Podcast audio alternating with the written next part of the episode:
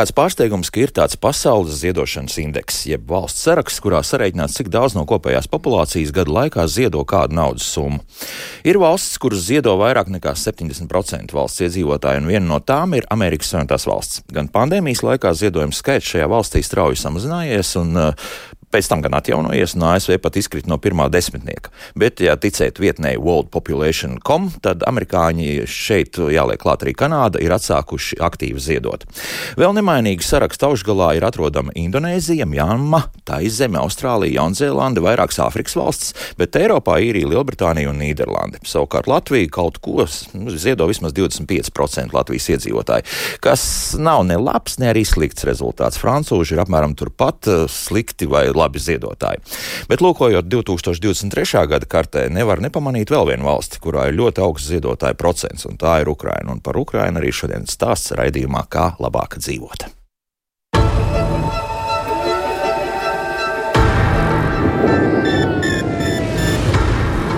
Ukraiņai ir jāuzvar, un ar Ukraiņas uzvaru divi gadi kopš Krievijas pilna mēroga iebrukuma Ukrainā. Jā, te jau nemanot, paskrējuši divi gadi kopš Krievijas pilna apjoma iebrukuma Ukrainā. Un Ukraiņa turs. Ukraiņa turs tāpēc arī, ka Latvijas iedzīvotāji ziedo, ziedo daudz un ziedo visus šos divus gadus. Kas šobrīd notiek ne tikai ziedošanas jomā saistībā ar Ukrainu un Latviju, par to tad šodien raidījumā. Mana studijas viesnes Kristīne Zonberga, Latvijas Pilsoniskās alianses direktore. Sveicināti! Labrīt. Linda Jākapsone Gavala, biedrības grib palīdzēt bēgļiem valdes locekli. Sveicināti! Labrīt. Un biedrības tavi draugu pārstāv Renāte Grunštoka. Sveicināti! Labrīt! Sāksim, protams, ar cilvēkiem. Nu, skaidrs viens, ka situācija ir nu, krietni mainījusies salīdzinoši ar 2022. gadu un arī ar 2023. gadu, un to es redzu burtiski uz ielas, jo proti, ejot uz radio, nu, šeit pavisam netālu bija viens no tiem punktiem, kur Ukraiņu bēgļi piebrauc ar savām mašīnām, tad šobrīd, nu, faktiski ir iestājies tāds tā kā klusums. Nu, šādi tādi ik pa brītiņam te vēl kaut kas parādās, bet principā ir ļoti maz. Tātad ir mainījušies arī kaut kādi akcenti, kā jūs palīdzat, ja? Um. Labrīt, vēlreiz. Jā. Jā, protams, kā mainoties, mainoties karam, mainās arī tā cilvēka iesaist, arī pats tas palīdzības sniegšanas formāts, dažādie veidi. Un, nu, saskroties mums ar to ikdienā, mums nākas atrast dažādas, dažādas pieejas, kā, kā atkal sapurināt sabiedrību un atgādināt par to, ka karš joprojām notiek un to palīdzību joprojām vajag.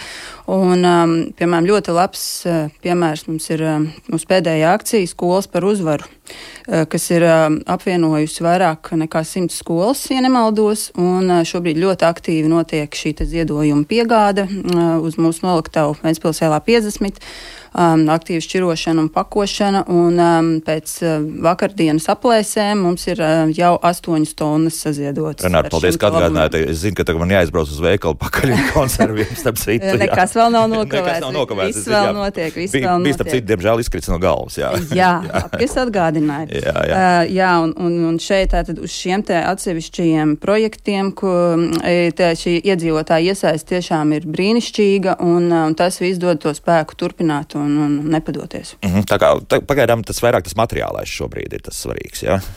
Nu, materiālais ir svarīgs visu laiku. Tie ir gan ziedojumi, gan finanšu līdzekļi, lai mēs varētu teiksim, nu, arī iegādāties tās nepieciešamās lietas, kuras nu, cilvēki paši nevar nopirkt. Piemēram, nu, droni. Automašīnas mēs šobrīd arī meklējam līdzekļus kravas auto un apvidus auto mm, atsevišķām armijas vienībām. Un, līdz ar to mēs priecājamies par katru šo ziedojumu. Mm -hmm. Linda, un tomēr, kas, kas ar cilvēkiem notiek? Vai šobrīd tiešām ir tā, ka nu, visi pie vietas? Tā gluži es nevarētu teikt. Tāpēc, viens no apstākļiem ir tas, ka mums uh, liekas, un mēs tagad arī ļoti daudz runājam par to, ka ir pagājuši divi gadi, un mēs aizmirstam, ka cilvēki Latvijā ierodas joprojām katru dienu, kāds ierodas Latvijā. Un līdz ar to tās vajadzības cilvēkiem, protams, ir ļoti atšķirīgas atkarībā no tā, kādā situācijā viņš ieradies un kad ir ieradies. Bet arī jāsaka tiem cilvēkiem, kas ir ieradušies arī nu, jau pirms pusotra gada Uh, joprojām iespējams, ka šie, tieši šie cilvēki nav vēl varējuši iedzīvoties Latvijā. Un šeit ir ļoti daudz lietas, par ko, protams, mums mainās viedoklis un mainās arī vajadzības cilvēkiem. Kādā veidā gan palīdzēt, gan kāda veida palīdzība, protams, cilvēkiem ir nepieciešama. Un šeit es gribētu teikt arī to, ka ar vien vairāk parādās pašu ukrāņu balsis. Un man liekas, ka tas Latvijā ir ārkārtīgi svarīgi. Un es uh, ceru, ka iespējams kādā brīdī uh, būs iespējams arī uz šo studiju uzaicināt ukrāņus, kuri jau runā latviešu valodā un paši par sevi var pastāstīt par savām vajadzībām, pat, jo ja mēs saprotam, ka pat ja karš tuvākā laikā beigsies, liela daļa cilvēku šeit būs spiesta palikt ilgāku laiku. Un šeit ir visas šīs iekļaušanās lietas, kas ir par ko mums ir jādomā daudz vairāk. Tā ir gan nodarbinātība, gan valoda, gan arī izglītība. Jo, piemēram, tajā pašā jautājumā par izglītību eh, mēs eh, zinām, ka daudz ukrāņu bērnu, protams, turpina apmeklēt tālmācībā ukrāņu skolas, bet mums ir jāsaprot, ka pat, ja karš tūlīt, tūlīt beigsies un rekonstrukcija ļoti strauji sāksies, vidēji pasaulē pēc šāda mēroga konfliktiem un kariem ir nepieciešama izglītības sistēmas atjaunošanai starp pieciem un desmit gadiem. Tā kā mums ir jāsāk arī, diemžēl mums ir tā domāšana jāgriež tajā virzienā, ka mums ir jādomā par ilgtermiņu. Lai kā mums varbūt negribētos un lai kā mēs eh, būtu visi domās, ka tūlīt, tūlīt viss beigsies. Um, un, šie, un šīs vajadzības būs cilvēkiem uh, saistītas, uh, kā jau Renāta norādīja, gan ar tām pamat priārajām vajadzībām, jo ir cilvēki, kuriem joprojām ir nepieciešams pārtikas pabalsts, kuriem ir nepieciešams higiēnas preces kuri ir atraduši beidzot dzīvokli, kur, kā mēs zinām, daudz dzīvokļus pie mums eh, var atrast tikai tukšus, kuros vispār nav nevienas mēbeles, neviena leduskapa, ne, nekā. Un cilvēkiem, kuri tikko ir atraduši atkal jaunu darbu, Tas ir ļoti sarežģīti. Un runājot par darbu, protams, mēs arī zinām, ka daudz ukrāņu strādā mazkvalificētās profesijās, daudz zemākās nekā viņi strādājuši Ukrajinā. Līdz ar to tās algas nav tādas, lai uzreiz varētu arī nostāties savām kājām. Tā ka vēl te ir ko darīt un darīt, jā, es saprotu. Jā. Protams. Jā, jā. Kristīna. Jā. Jā, nu, paturpinot to, ko jau Renāta un Linda teica, es arī skatoties, nu, vairāk, vairāk tiek medijos un publiskajā telpā kopumā minēts šis kara nogurums. Un man domājot tomēr par Latvijas sabiedrības atbalstu, es, es, es tomēr esmu pārliecībā, ka um, ka mēs nevaram vienādības zīmi likt uh, nogurums un vērtības. Un tas tā vērtības uh, atbalstam Ukrainai līdz tās uh, uzvarai un, un demokrātiskajām vērtībām, manuprāt, tur nav nekādas izmaiņas notikušas, un cilvēki vēl joprojām atbalsta, un tas ir nelokāms atbalsts Ukrainai. Tomēr, jā, kā minēja, ka ir, tomēr, ka ir, ir šis atbalsta veidi mainās, jo ja, ja 2022. gada šajā pirmajā pusē tas, tas bija tāda īstermiņa un, un daudz redzamāk līdz ar to, jo skaidrs, ka katrs varēja atrast savu vietu, kā palīdzēt, tā skaitā dot māju vietu ik, šiem ukraiņu bēr, bēgļiem. Tomēr šobrīd jau, jau kā, kā Linda ļoti skaidri iezīmē, ka ir ilgtermiņa šīs, šīs atbalsts, kur jau patiesībā no arī mazliet tas sloks nonāk no sabiedrības, un tur jau ir valsts, valsts lēmumi, un kā tad mums palīdzēt Ukrainai. Līdz ar to, manuprāt, atbalsts sabiedrībā turpinās. Tas, kas ir, protams, mums jāņem vērā, ka ir arī ir, ir kapacitātes iespējas. Mums arī nav bijuši labākie gadi pēdējie ekonomiski, un līdz ar to ir, ir saprotams, ka gan uzņēmējiem, gan arī, gan arī iedzīvotājiem ir tā ierobežojumi, cik daudz ja viņi ir spējīgi arī, arī ziedot. Līdz ar to katrs ziedojums vēl joprojām, vai tas ir mantu ziedojums vai finanšu mm. ziedojums, ir, ir ļoti, ļoti vērtīgs. Mm -hmm. nu, Juris mums arī mājaslapā jau raksta, ir arvien vairāk vajadzīgs makšķers, nevis zīves, jo Čehijā strādā 66% no cilvēkiem. Es domāju, viņš Juris domā šajā gadījumā Ukraiņas, Vācijā 33%, Ukrainai visvairāk palīdz ātri, bet ilgspējīgi risinājumi. Nu, būtu jau labi, ja tādi būtu ātri un ilgspējīgi, vai ne? Nu, it kā jau mēs saprotam, kur var roku pielikt, bet, bet vienmēr tās problēmas jau pastāvēs arī jebkurā valstī faktiski. Nu, nebūs tā, ka visi būs atrisinājuši simtprocentīgi. Tā ir vai ne? Protams, bet ja es varu vēl par to ziedošanu paturpināt Jā. Kristīnas domu drusciņu. Uh, jo man liekas, ka viens aspekts, protams, ir tas, cik mēs varam ziedot finansiāli vai uh, dažādas lietas, ko mēs varam uzņēmēji pārsvarā ziedot, protams. Bet otrs, man liekas, ir tikpat svarīgi, vai iespējams pat svarīgāk, ir tas, kas ir resurss, kas mums katram ir un kas iespējams ir visdārgākais. Un tas ir mūsu laiks. Jo mēs ļoti, ļoti daudzas lietas varam izdarīt arī uh, vienkārši palīdzot cilvēkiem. Un vienalga, vai tā ir sveču liešana, vai tā ir iet palīgā Renātai uz noliktavu krāmēt paņemt mantas un pārkrāmēt. Vai tā ir uh, valodu klubiņš, kur mēs vienkārši ar kādu parunājamies, vai tā ir uh, jebkāda cita veida palīdzība, kuru mēs joprojām varam izrādīt un absolūti visā Latvijā, jo, protams, tā, tā būtiskā lieta ir, ka Ukraiņu bēgļi šobrīd ir absolūti visās Latvijas novados, visos Latvijas pilsētās. Tā kā, ja cilvēki vēlas palīdzēt kādam, tad to ir iespējams izdarīt neatkarīgi no tā, kur jūs atrodaties. Bet uh, primāri tiešām tas būtu bez maz vai krēsla aiznest, vai, vai kas, kas, kas būtu tāds?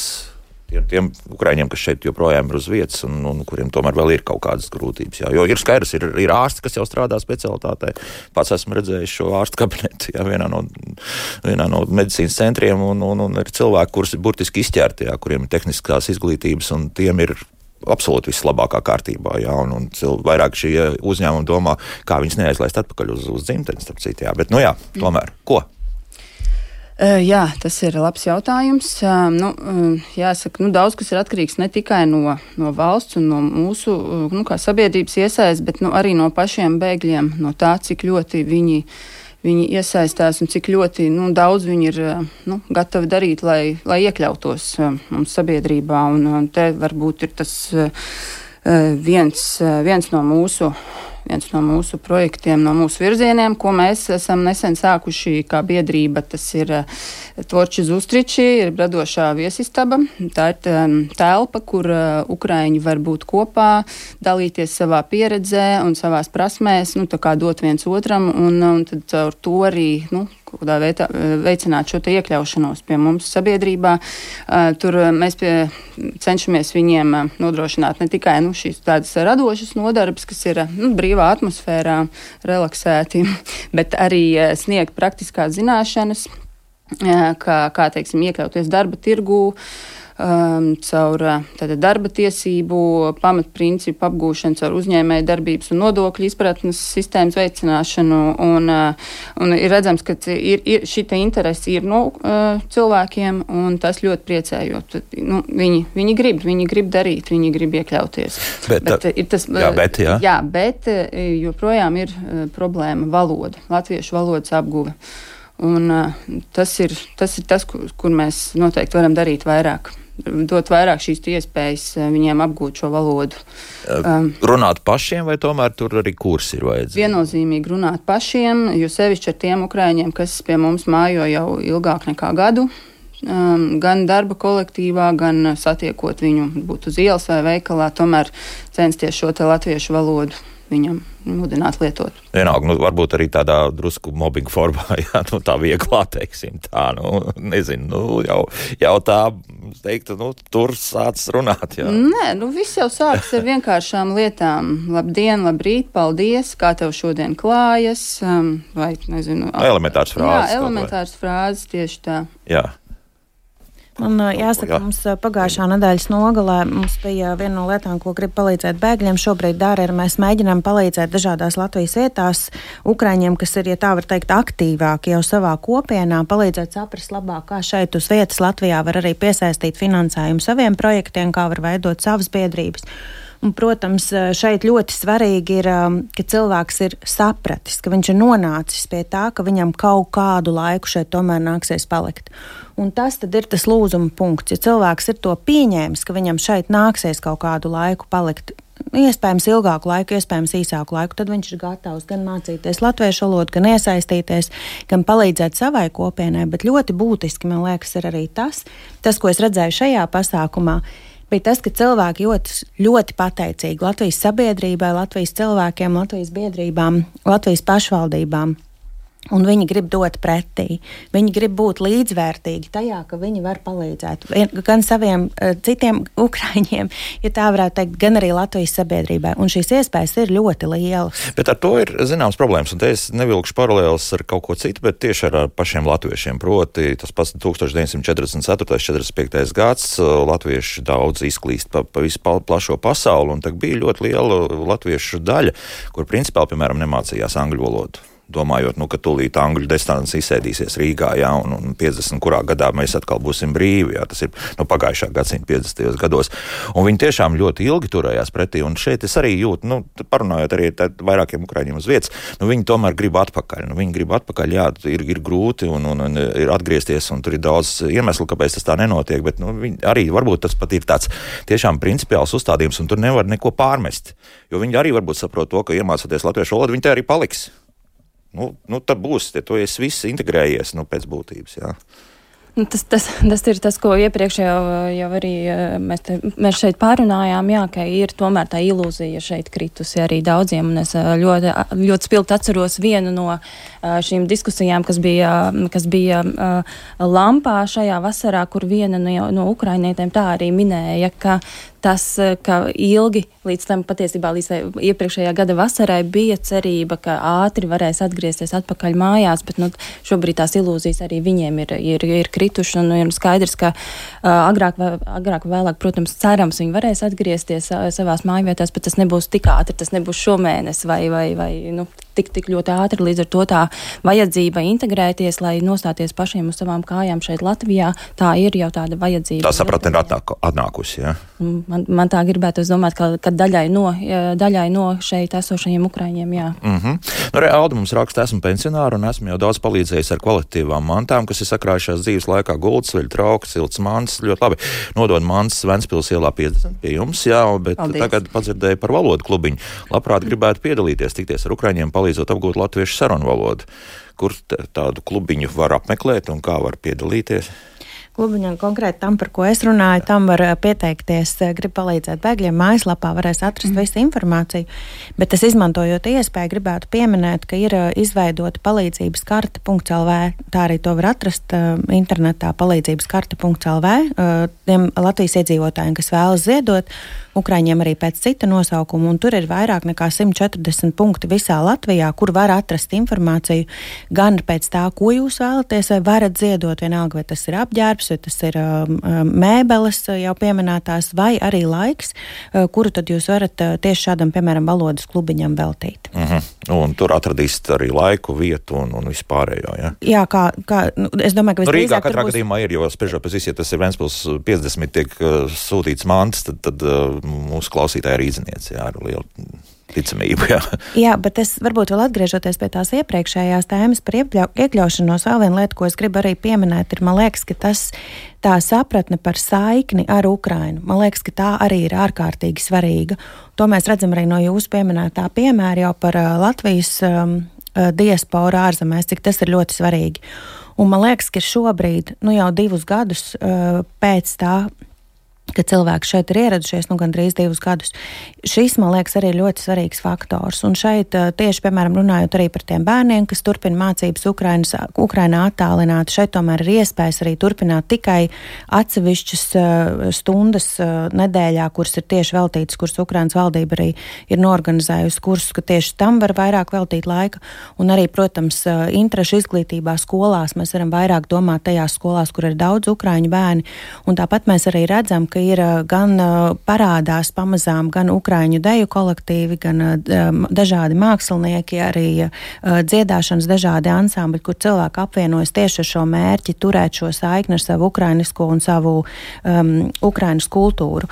Un, man liekas, to diasporu turēt kopā, jā, dažādos veidos. Man liekas, ka tas arī ir ārkārtīgi svarīgi, ka mēs arī šo varētu atbalstīt, lai cilvēkiem nav šī atrautības sajūta. Jo no vienas puses, protams, ir ārkārtīgi svarīgi, ka cilvēkiem ir iespēja mācīties latviešu valodu, un šeit tomēr šie pārāvumi, kas mums ir latviešu valodas kursos, nu, tie tomēr ir ļoti būtiski. Mēs runājam par pieciem mēnešiem, nu jau šobrīd eh, pēc pēdējās iespējas, kad varēja pieteikties uz latviešu valodas kursiem. Kā, nu, tas ir būtisks pārāvums, lai cilvēks varētu mācīties latviešu valodu. Mēs katrs, kas esam mācījies kādu svešu valodu, to ļoti labi saprotam. Mm -hmm. Kaut kas piebilstams, jā. Ja? Viens tāds nepatīkams jautājums visā šajā ziņā - jūtat atšķirības starp uh, tiem cilvēkiem, kas tomēr nāk no Ukraiņas rietumiem, centrālās daļas vai arī austrumu daļas, kur šobrīd kara darbība notiek?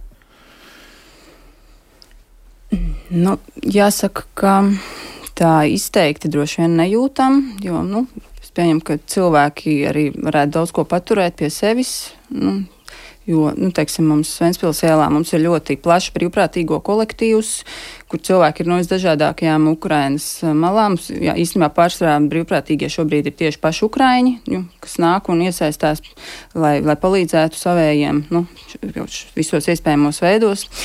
Un, uh, ir, ir, ja, ir bijušas kaut, kaut kādas teiksim, viedokļu pārmaiņas, bet uh, ne pārmaiņas, apmaiņas, bet jāsaka, ka nu, viņi, viņi respektē viens otru un. un nu, Nu, nav. nav. Nejūta, ka tur ir kaut kāda spriedze vai kas tam līdzīgs varētu būt. Jā, es teiktu, ka nē. Ka nē, jā. Nē. Nē, es teiktu, ka cilvēki ir dažādi. Tāpat kā mēs esam dažādi, arī Ukrāņi, protams, ir dažādi. Tās vajadzības ir dažādas, tie viedokļi ir dažādi par dažādām lietām. Tā kā, man liekas, ka viena no lietām, arī par ko mums ir jādomā, mums joprojām ir vairāk nekā 3000 cilvēku, kas dzīvo dažādās izmitināšanas vietās Latvijā. Un, uh, mēs lielu daļu esam savu studentu laiku pavadījuši kopmītnē, bet tagad iedomājamies, ka mēs esam savā apzinātajā vecumā, pieaugušo vecumā ar saviem bērniem un vecākiem nonākuši kopmītnē, kur mēs dzīvojam kopā vairākus gadus ar mums pilnīgi svešiem cilvēkiem, ar ģimenēm, ar saviem izaicinājumiem, savām problēmām, savām traumām. Un ir, tas ir arī kaut kas, par ko mums ir jādomā. Jo sākotnēji, manuprāt, Latvija ļoti labi risināja izmitināšanas jautājumu. Mums nebija, kā mēs redzējām, ziņās no citām valstīm, nedz uh, milzīgās sporta zāles, ne skolu aktu zāles. Mēs uh, varējām visiem palīdzēt, bet mums ir jādomā arī par šo, jo tas mazinātu arī, nu, teiksim, tā ikdienas spriedzi. Nenoliedzami. Agnēs raksta piekrīt, redz, ka ar vien vairāk Ukrāņu savu nākotni jau redz Latvijā un saist ar Latviju. Darba kolēģi no Sumī. Tad pilsētas dēls labu laiku mācījās attālināt Ukrāņu skolā, bet šajā mācību gadā jau mācās Latviešu skolā. Iet visādi meitai bērnu dārzā, iet daudz labāk, bet domas par atgriešanos, kur katru brīdi jau, nu, faktiski jau ir izgaisuši, tā Agnēs saka. Nu, te atkal arī par tām skolām, starp citu, tad kā kur tad izglītības sistēma, jā, vai mūsējā, vai tiešām attālināta joprojām Ukraiņas. No Izglītības un zinātnes ministrija burtiski pirms pāris dienām vērs uzmanību uz to, ka arī viņi uzskata, ka no nākamā mācību gada atcerēsimies, nākamais mācību gads dažiem bērniem Latvijā būs jau ceturtais mācību gads. Un, un ka arī ministrija domā, ka tomēr ir jābūt vairāk iesaistē Ukraiņas bērniem mūsu mācību iestādēs. Bet tas, ko mēs uzskatām, ir, ka mums ir palicis pusgads līdz 1. septembrim, un mums ir ārkārtīgi daudz darba jāiegulda, lai gan tiem bērniem, kas jau ir mūsu mācību iestādēs, labāk palīdzētu. Ja mēs redzam daudz izaicinājumus, jo mazāks bērns ir jaunāks, jo vieglāk ir iekļauties, protams, bet jo tālāk sarežģītāk ir priekšmeti bez latviešu valodas zināšanām, mēs visi saprotam, ka tas ir grūtāk. Bet nu, vienkārši tas ir ceļš, kurš mums ir jāiet visiem kopā, visiem izrādot palīdzību arī šiem bērniem. Šeit mēs daudz labus piemērus arī redzam skolās, kur palīdz gan citi bērni, vecāki. Nu, protams, daudz kas ir atkarīgs arī no skolas un personāla, uh, bet uh, šī ir joma, kur mēs uh, nevaram palaisties, ja tā varētu teikt, jo citādi šie bērni izkritīs vispār no plašākas izglītības aprites, jo mēs viņiem lieksim iespēju mācīties vidusskolā, prof, profesionālajās skolās, augstskolās, ja viņi šeit paliks un uh, gribēs turpināt mācības. Un mēs, protams, ceram, ka gribēs turpināt mācības. Bet tā, tā pārēja, teiksim, no tālmācības Ukraiņu skolā uz mūsu būs sarežģīta. Kāda ir tā pieredze? Kaut ko esat jau nu, pētījuši. Jo, nu, tur bija jau pašā sākumā bija skaidrs, ka, piemēram, viena vecuma ukrāņu un latviešu bērni nu, mācās drusku citas programmas, un faktiski ukrāņi daudzās lietās ir pat drusku priekšā. Tad tur bija visādi, jā, bet kā, kā tagad ir? Jāsaka, ka starptautiskie pētījumi parāda, ka līdzīgi kā pie mums, protams, arī Ukrainā bija Covid. Tad, tad mēs atceramies, ka Covid laikā izglītība nu, tomēr gāja uz leju pilnīgi visur arī pie mums. Un pēc tam šie divi kara gadi, protams, ir atstājuši ļoti būtisku iespaidu uz Ukraiņas izglītības sistēmu. Tas, nu, tas vienkārši ir nešaubīgs fakts. Mēs to neizbēgams fakts, mēs par to visu, sap, visu to saprotam. Līdz ar to um, šis arī ir jautājums, kurā mēs domājam, ka ir ļoti rūpīgi jāstrādā ar Ukrāņu vecākiem, Ukrāņu bērnu vecākiem, runājot par to, kā darbojas mūsu mācību sistēma, kādu palīdzību mēs varam sniegt un cik būtiski ir iet uz skolu, jo skola, protams, nav tikai par matemātiku un fiziku. Uh, skola ir par to, kā bērns vispār iekļaujas sabiedrībā, kā viņš komunicē ar citiem bērniem, ar pieaugušajiem, kādu palīdzību viņš var saņemt, jo skolā, protams, var saņemt lielāku palīdzību nekā mājās. Un arī, protams, mēs nezinām, kāds šiem bērniem vispār ir tehnoloģiskais nodrošinājums, vai viņš, piemēram, nemācās divus gadus no telefona. Nu, bet nu, pat jau tā, bija arī programmas, kur, kur uzņēmēji diezgan pamatīgi piestrādāja un vēl joprojām iet vaļā, kur, kur datori tiek vākt. Nu, liekas, ka, ka jau izdosies vismaz to sakārtot, ka šis tehnoloģiskais uh, nodrošinājums būs visiem. Mums vienkārši jābūt par to pārliecībai, mm. ka tā Aha. tas ir, ka visiem Pārlis. bērniem jā. ir šī iespēja. Jā, jā. jā, un te ir tā lielā loma uh, pašai mērķa grupai par to ziņot, un uh, ir, ir daudz šīs organizācijas, kurām var, var, var minēt par šīm vajadzībām, un tad arī ir iespējas tās sagādāt. Bet es tikai gribēju atbildēt ļoti uz, uz klausītājas Agneses šo, šo komentāru par to, ka izgaist Ukraiņiem šīs cerības par atgriešanos. Es ļoti ceru, ka mēs šādu uh, ziņu viņu neesam nodevuši. Mēs, mēs vairāk par to, ka tas ir ilgt, visticamāk ilgtermiņā, it īpaši, ja mēs skatāmies to, ka vajadzēs šo atkopšanās uh, gadus arī pašai Ukrainai. Līdz ar to man te gribētos, ka mēs dodam šādu, šādu varbūt iespaidu, ka uh, par kādu sliktu iznākumu, jo, nu, tomēr, nu, Ukrainas uzvara, nu, nekāda citādāk nemaz nevar būt. Mēs tikai runājam par to, kā mēs varam uh, radīt apstākļus uh, pēc iespējas iekļaujošākus un, uh, un un, un, un arī tādā ilgtermiņā, lai, lai šos bērnus mācītu skolās un iekļaut sabiedrībā tajā laika periodā, kad viņi ir šeit. Skaidrs, un atgriežoties, bet, jā, Latvijā. Tā, tā doma ir tāda, ko es nolasu arī šobrīd, kas mājaslapā tiek rakstīts. Es gribu atgādināt, ka arī Twitter, atvainojos, ne Twitterī, bet WhatsAppā jūs arī mums varat sūtīt 25660 tātad tā, šis tālrunis, ka ir tā, tā faktiski, ka mēs esam gatavi paņemt un nelaist prom.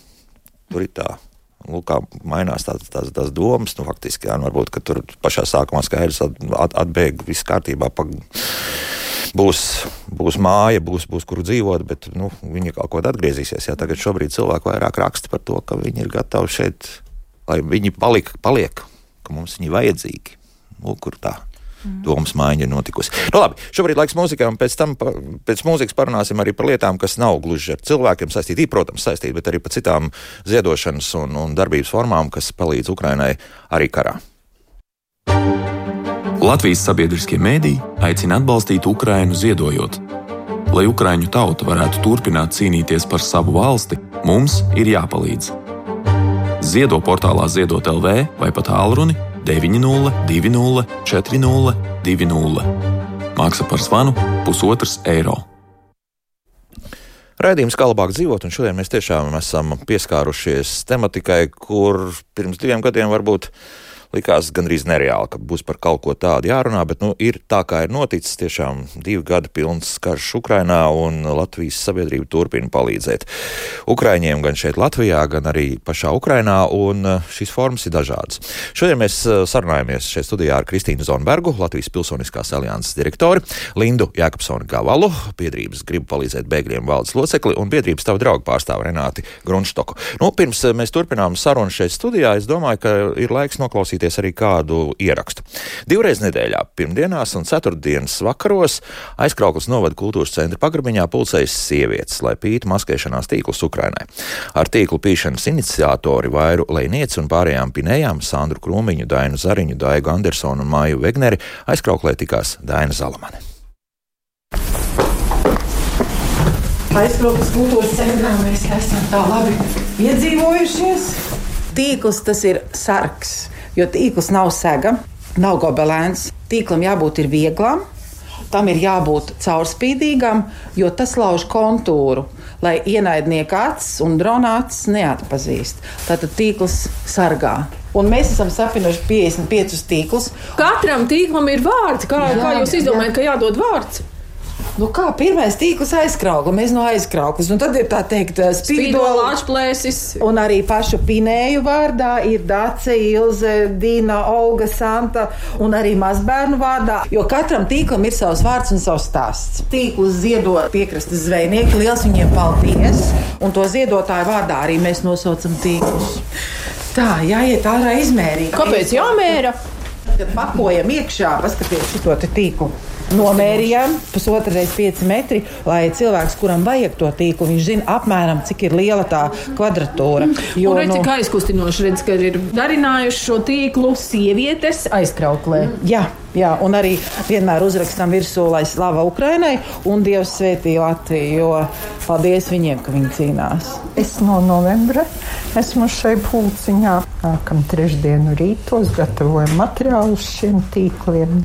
Mēs esam iesaistījuši aizkrauklis senioru biedrību askrāde 60 plus līdz 80 plus, vismaz 11 kundzītes. Tiešām tas ļoti iedvesmo, ka to divānu patriotu paliek mazāk un katrs savam vecumam, savām iespējām atrod, kur pielikt roku vēl tik paši griežam un krāsojam. Bet te jau ir tā lieta, ja mēs nevaram lepoties ar iespēju ziedot nu, kaut ko nozīmīgu un regulāri un tā tālāk, tad ir kaut kas, ko var padarīt ar savām rokām. Un izrādās noder arī tas. Tā kā es strādāju mājās, var teikt, attālinātais darbs, tas taču tagad modē. nu, un pinu Ukrāņu sievas jau ņelgavā, tās, kuras tiešām ir atbēgušas, kurām vairs nav māju, katru dienu nāk kopā stundu pusotru un pinu tīklus, un ļoti daudz jau ir nopinuši. Tā kā milzīgs paldies viņām. Pinu tīklus sunākstē, biedrība saule saka. Tā mēs tīklojamies. Katru reizi nesu, bet nu, reizi mēnesī vai vismaz divreiz. Bet nu, kopā ar bērniem mēs darbojamies ar saviem bērniem. Sveču dienā šogad pēc sākuma skolā mēs veidojām šos iekuriņus pateicoties vairai. Vaira mums sasūtīja video. Tā veiksmīgi kaut kāda 720 iekuriņi. Jā. Ceļos tagad uz Jaunjēlgavu 24. februārī. Šajā nedēļā arī piedalāmies skolas par uzvaru. Tad, kad vāc ziedojumus, noteikti arī mēs tur šo to savāksim. Simts burkas, ābolu ievārījām, mājas ar vedeklu savārījām. Man vēl rudens ābelē bija labi āboli, nu tad mēs ķērāmies pie darba. Mums ir ļoti atsaucīgs šoferis no seces skolas, kas ved uz mūsu galu bērnus. Burkas man saveda, tad vāciņus drusku piešķīra. Kā jūs to visu pēc tam nogādājat tālāk uz Ukrainu? Tā tīklošanās ir tāda, kā Maija saka, no vienas sētas, otras, trešās, ceturtās satekties strautiņi, nu, tur, kur es strādāju. Viens ir secē, otrs ir jaunjāgavā, un tad uz aizkraukli. Viss tiek salikts vieglās mašīnas bagažniekā un reizi nedēļā uz Rīgu, uz Twitter konvoju vai pie biedrības tavi draugi. Jo mums ir svarīgi strādāt ar tādiem cilvēkiem, kur mēs zinām, ka tiešām aiziet tam, kam ir paredzēts. Jūs gaidat arī kādas ziņas nu, no Ukrainas, ka viņi ir saņēmuši, ka viņiem noder tās jā, lietas. Jā, jā, un, un tā, arī. jā, un tā ir tā atgriezeniskā saite, ko sūta fotografijas ka mēs zinām, kam aiziet, tas ir ļoti, ļoti svarīgi. Vairāk kā cilvēki nav noguruši, jo vispār tas nogurums tomēr ir drusciņš jūtams. Ja tu nedari, tad es teikšu, ka ir iekšā tāds nemieris. Tiešām tu neko nevari un mēs katrs varam. Mēs varam savākt materiālu, mēs varam ziedot tīklu, mēs varam uzadīt zeķes, mēs varam ziedot dronam, mēs katrs kaut ko varam. Un tas katrs viens pie otra, trešā, ceturtā rada to lielo kopumu. Mēs varam pagurt, bet tie, kas ir Ukrainā, viņi nedrīkst pagurt. Jāturās, mums, mēs nedrīkstam pagurt. Bet, ziniet, tā pēkšņi pārtraukt to pīšanu, rodas tāda kā potenciāla nodevības sajūta. Tad kā tad? Tad mēs vairs neticam. Mēs ticam. Nu, tātad turpinām līdz uzvarai. Nu, skaidrs, ka šīs uh, dāmas nebeigs, un, un, un viņām nogurums visdrīzākais, ka neiestāsies. Un ir, ir sabiedrības daļa, kurai šis nogurums faktiski nav nebūtu, ne un es pat zinu pietiekami daudz cilvēku, kuriem pat ir kaut kāda otrā elpa, trešā elpa parādījusies, un ko tik viss nedara. Nopērk paši 3D printerus, lai varētu šos faktiski mazās bumbu astītes drukāt ārā un sūtīt uz Ukrainu un daudz ko citu. Ja.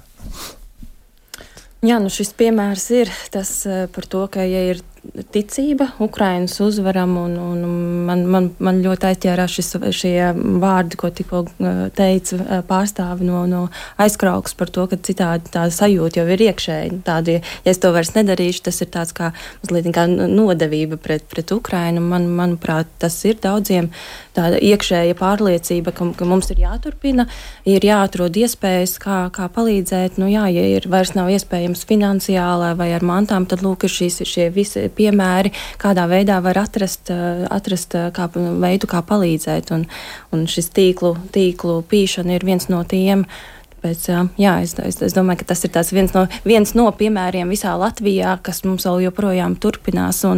Man šķiet, ka tas, kas ir vēl īpaši vērtīgi šajās satikšanās, ko arī minēja aizkrauklis piemērā par to, ka tā arī ir iespēja par, par iepriekš mums pārunāto iekļaušanu, arī Latvijā esošo Ukrainas bēgļu iekļaušanu šajās aktivitātēs un tādā veidā gan iekļaut sabiedrībā, gan arī šis ir tas viens no veidiem valodas klubiņam ļoti praktiski arī darboties kopā un tādā veidā arī palīdzēt kopā. -hmm. Renāte?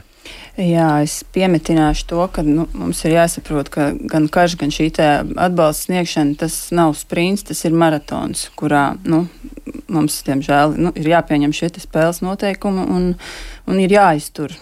Un, eh, un es domāju, ka jebkur, eh, jebkur no organizācijām, kur mēs šeit pārstāvam šodien, ir, ir kā tāds, tāds stūrakmens, kuram, kurš turās un uz kura tad eh, arī var balstīties. Tad, nu, visi tie pārējie cilvēki, organizācijas, nu, iedvesmoties un, un kopā iet tālāk. Un man, man teiksim, saistībā ar tīkliem man ir vēl viens labs piemērs - ierakums veces kuras mēs eh, sākām lietu pagājušo gadu, un eh, mums izdevās sapulcināt ļoti daudz aktīvo pensionāru, kuri tajā brīdī arī meklēja veidus, kā iesaistīties, domājot, ka viņiem jau nu, nav šo iespēju, un ko, kas tad ir tas viņu pienesums, ko viņi var dot.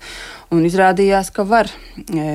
Mums ir ļoti, ļoti mīļš kolēģis Aldis, kurš pina tīklus Rīgā. Viņš ir nu, vairs līdzgaitnieks. Un, viņš, viņš sapulcinot šos pensionārus ap sevi radīja tādu brīnišķīgu komūnu, kurā nu, ir ne tikai šie latvieši, bet arī ukraiņi, kas, kas nāk kopā vairākas reizes nedēļā, un viņi ne tikai dara šo labo darbību, pinot tīklus, bet viņi socializējas un, un redz, ka viņi vēl joprojām var.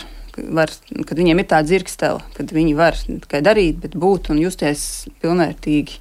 Līdz ar to tas ir visi šie veidi, kā, kādos mēs varam palīdzēt, tie nu, ne, tikai, ne tikai dod labumu Ukrainai, bet arī mums pašiem kā cilvēkiem. Mm -hmm. nu, labi, tā tad Ventspils ielā 50 var paši iet un joprojām turpināt uh, brīvprātīgi strādāt, vienkārši kraut, jā, pakas. Viennozīmīgi. Jā. Mums uh, netrūks šo uh, daudzo ikdienas darbu, var šķirot ziedojumus, var pakot ziedojumus dažādiem mērķiem, sūtīšanai civiliedzīvotājiem vai armijai.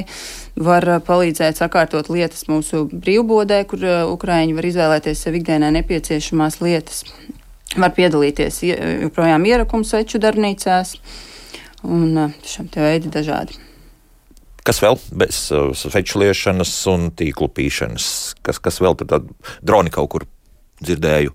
Var jau kaut kur likt kopā, vai, vai kāds mm, kopā, citādi? Kopā likt vēl nevar, bet uh, es aicinu ielūkoties mūsu mājaslapā www.draugu.lv, kur ir sadaļa ziedo un kur var redzēt mūsu aktuālās um, misijas, kam mēs uh, vācam ziedojumus. Un, un tad uh, tur arī var gūt šo priekšstatu, nu, kādos veidos, ka, kam ir iespējams palīdzēt.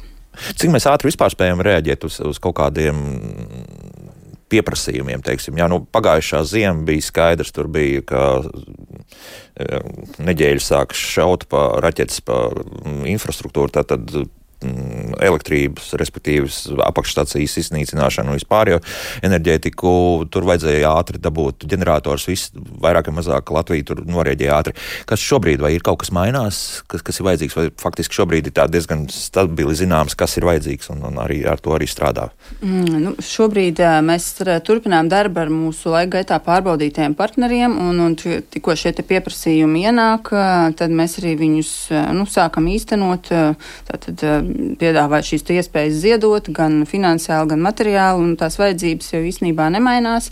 Civiliedzīvotājiem vajadzīgs um, atkarībā no gada laika, um, piemēram, siltais apģērbs, um, vai lukturīši, vai powerbankas, ierīču uzlādēji, tāpat arī pārtika un higiēnas preces. Nu, tad armijai šīs te vajadzības ir uh, automašīnas, uh, droni, arī cen, apģērbs, kas piemērots ierakumiem. Um, sildītāji, pēdu roku sildītāji, kas ziemā ļoti, ļoti aktuāli, šie paši maskēšanās tīkli, ierakums, veces.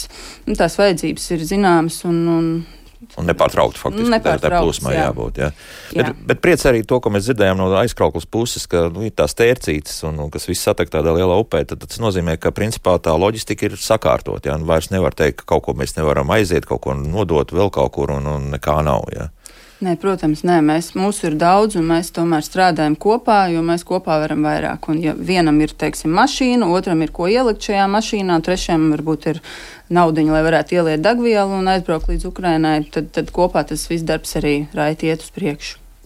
Nozīmē, ko no, aizbraukt līdz Ukrainai, cik viegli tas tagad ir. Jo mums pirmais komentārs vispār bija par to, ka, ko poļi šobrīd dara uz tās robežas. Ja. Kas tur notiek, ir kaut kā skaidrs, kā nokļūt līdz, līdz Ukrainai. Ja, jo tā polijas, mm. nu, faktiski zemnieku uzvedība šobrīd nu, ir tāda, kāda ir, ja, un viņi bloķē to robežu.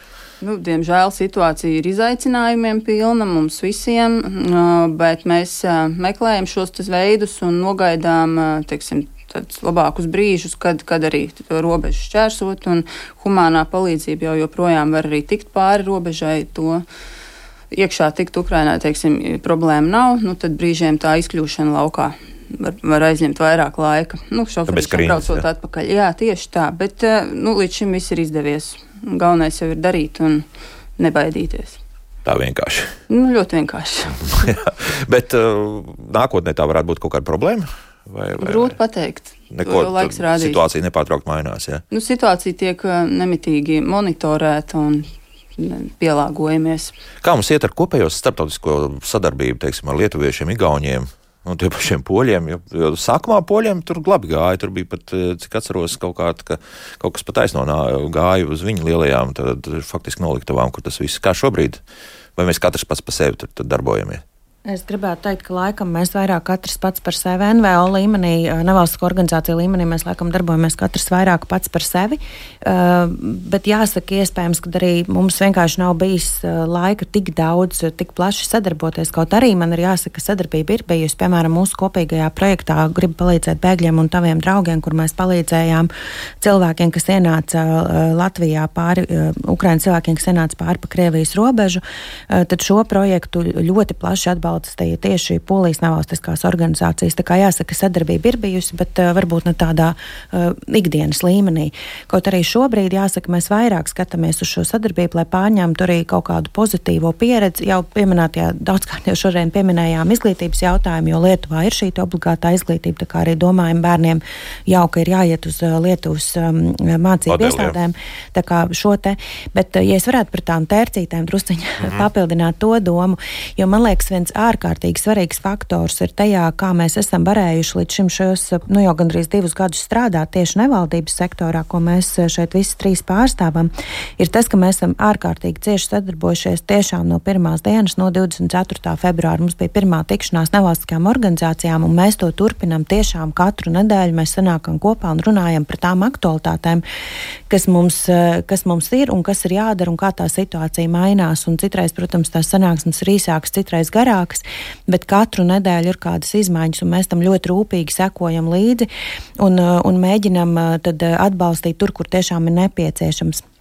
Bet arī man liekas, viens tāds ļoti būtisks punkts tiešām ir šajā sestdienā, kur arī nevalstiskās organizācijas, gan mūsu organizācijas, gan arī vēl eh, ceturtā organizācija Eiropas kustība Latvijā eh, aicina senākt pie brīvības pieminekļa, vai arī tiem, kuriem nav iespējams būt Rīgā, sekot līdz sabiedriskajos mēdījos, eh, vai arī citās vietās. Nu, mēs Latvijā. translēsim, jā, tas, tas ir skaidrs, bet, bet es arī aicinātu, kaut gan, protams, vajadzētu jau aicināt klausīties radio, bet, nu, mīļie cilvēki, ja jums ir laiks, iespēja un vispārējais neejam pie tā brīvības piemēra. Mums atkal kārtībā reizi jāparāda, ka mēs esam un, un ka, ka, ka šeit cilvēki joprojām nu, ir par.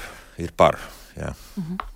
Um, atbildot par starptautisko pieredzi, um, manā vērtējumā arī visticamāk tā ir tāda informācijas apmaiņa, kā, kāda ir situācija katrā valstī un, un šīs labās prakses piemēri. Uh, papildus uh, tas, kas ir mūsu, mūsu vairāk uh, Latvijas Pilsoniskās alianses tāds darbības lauciņš, ir, kā, protams, skatīties Baltijas valstīs šo mm, nu, pēdējos gadus, un šeit es gribētu arī teikt pandēmijas mācības un arī tagad karš Ukrainā par to, kā mums eh, padarīt stiprāku sabiedrību pret dažādiem izaicinājumiem. Un, un, un šeit arī ir bijusi dažāda sadarbība arī ar, ar Ukrainas eh, nevalstiskajām organizācijām, kas var dot savas pieredzes mācības par to, nu, kā tad veicināt šo tik ļoti plaši zināmo vārdu jau noturības spēju sabiedrībā, tad, kad ir krīze, kā mēs rīkojamies, jo mēs varējām arī pēdējos gados šajā vasarā bija lietus, šies lietus gāzes gāzes problēmas un, un bija plūdi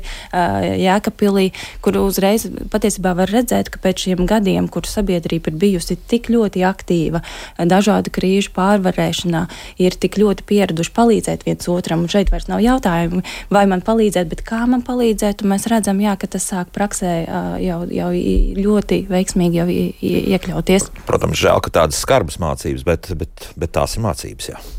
Tas tā ir. Te viens tāds ļoti konkrēts un praktisks jautājums. Esmu sakrājis daudz skārdu buļbuļsaktas svecēm. Padzirdēju, ka vairs nevajag, esot pa pilnam izmet, vai ir vajadzība pēc tām un kur nest. Nu, jāsaka, ka šī vajadzība pēc buļbuļsām šobrīd tiešām nav, jo mums ir ļoti čakli mm, saziedotas uh, jaunās buļbuļs, kuras mēs izmantojam sveču liešanai. Plus vēl ir uzkrājums no iepriekšējās sezonas. Līdz ar to liels paldies visiem, kas krāja un vāc. Un, uh, aicinu aicinu varbūt paskatīties, vai zem kaut kur, kas kapī nav kāds sveču gals palicis, un tad drīzāk tas būtu vērtīgāk, jā? jā, šobrīd noteikti. Jā, tad, eh, bet arī nekāds uzkrājums veikt nevajag. Tad spriežot pēc visu, nu, būs, būs tā mērena, ka cik, cik domāju, var saliet, tik var saliet. Es jā. domāju, ka nē. Jā. Jo šogad m, arī paši Ukraiņi ļoti daudz ierakumu sveču ražo. Un tad kopīgiem spēkiem mēs arī varam apgādāt šos ierakumos esošos karavīrus ar svecītēm un mm. siltumu. Nu, vismaz uh, viena pozīcija gandrīz ir sakārtot, jā, tā līdz, līdz galam. okay. nu, ko? Pēdējās minūtes mums ir palikušas raidījumā, un līdz ar to es nezinu. Pirmkārt, jāsaka, ka runājot par uh, Renātas biedrību, tad uh, arī vēl viens pasākums vakar vienkārši raidījumā starpbrīdis mēs runājām par popas pasākumu, kurā jums ir arī Popē noteikti ir pasākums, jā, jā. es diemžēl nezinu, kas viņu rīko, bet, bet notiek pasākums. Jūs piedalāties, piedalāties. Tur. jums ir pārsteigums, jā. ne, ne, ir, ir, ir, ir. Jūs nerīkojat, bet jūs tur jūs ne, jūs ņemat dalību, ja tā var teikt. Jā. Jāsaka, man, man tiešām ir patīkams pārsteigums par to, ka pasākumi Ukrainas atbalstam notiks tiešām visā Latvijā. Mm -hmm. nu, eh, Kuldīgā, piemēram, būs milzīgs koncerts ar simtdziedātājiem eh, eh, baznīcā. Tāpat pasākumi būs Liepājā, notiek Reizeknē, Reizeknas novadā visu nedēļu notiek pasākumi dažādās Latvijas skolās. Tiešām, nu, nu ir, mēs, mēs, varbūt tas ir tāds mirklis, tiešām uz mirkli apstāties un padomāt, kas divu gadu laikā ir noticis un ko mēs vēl varam darīt, lai tiešām šī uzvara būtu pēc iespējas ātrāk, tik cik mēs katrs varam, protams, darīt. Un visu to informāciju mēs esam apkopojuši mājaslapā kopā līdz uzvarai.lv. Ļoti vienkārši atcerēties, manuprāt, un tur ir arī visi šie notikumi, gan kas ir Rīgā visas dienas garumā, 24. Protams, mēs aicinām visus pie brīvības pieminekļa pulkstens vienos, pulkstens vienos, bet, eh, bet, un kur arī būs iespējams eh, lietas vecas, eh, tavi draugi. Mm. Atbalstīs arī šo līdz eh, sešiem vakarā varēs nākt arī sveces lieta. Tā kā, ja kāds nevar tieši uz vieniem eh, būt pie brīvas pieminekļa, bet visa šī informācija gan par Rīgu, gan par visām eh, pārējām Latvijas norisēm tur ir apkopots. Un, ja kāds arī vēl nav pamanījis kaut ko, kas notiek viņa novadā, tad arī, protams, mūs var informēt, mēs papildināsim. Kristīna, vēl kaut kas? Ne? Jā, nu, tikai papildinot, ka uh, Lindu vēlreiz tikai varu aicināt, jā, ieiet šajā māj, mājaslapā kopā līdz uzvarai.lv. Un, un jā, vai nu tas ir pulkstens vienos pie brīvības pieminekļa, kur tad arī jā, būs minētās ne tikai sveču liešanas darbnīca, bet arī mantu ziedošanas punkts, kas arī ir būtiski. Un tad arī, ja, ja nu kādam ir vakarā, ir iespēja pie, pievienoties, tad arī tavi draugi rīko šo te gaismas, gaismas ceļu, kas tad tad arī būs tāds atbalsta mm. pasākums. Nu, savukārt, popē viss notiek pulksten piecos pēcpusdienā. Koncerts un vispārējais kultūras nama pagalmā tur viss būs tā. Nu, labi. Paldies par visu izdarīto, un paldies arī par visiem nākotnes darbiem, ko jūs turpināt darīt. Un man tiešām ir prieks, ka cilvēki ir iesaistījušies. Man ir patiesa lepnums par visiem cilvēkiem, kas kaut vienu eiro ir ziedojuši visam šim pasākumam un turpina arī ziedot un dot arī savu darbu, ieguldīt un vispārējo. Tā turpināt. Kristīna Zomberga, Latvijas Pilsoniskās alianses direktore, Linda Jākapsone Gavala, biedrības grib palīdzēt bēgļiem valsts locekli un biedrības tavi draugi pārstāva Renāta Krunštoka bija kopā ar mums. Paldies par sarunu. Rīt par ratajām slimībām, par tavu problemātiku, un savukārt piekdienu, nu meklējam jau tomātu, gurķu un visādas citādas sēklas par sēklām, kur vēlas stādīt. Nevis gluži jau stādas, bet, bet tiešām no sēkliņas izaudzēt tomātus. Nu tad par to raidījumā kā labāk dzīvot. Jauku dienu visiem! Tā.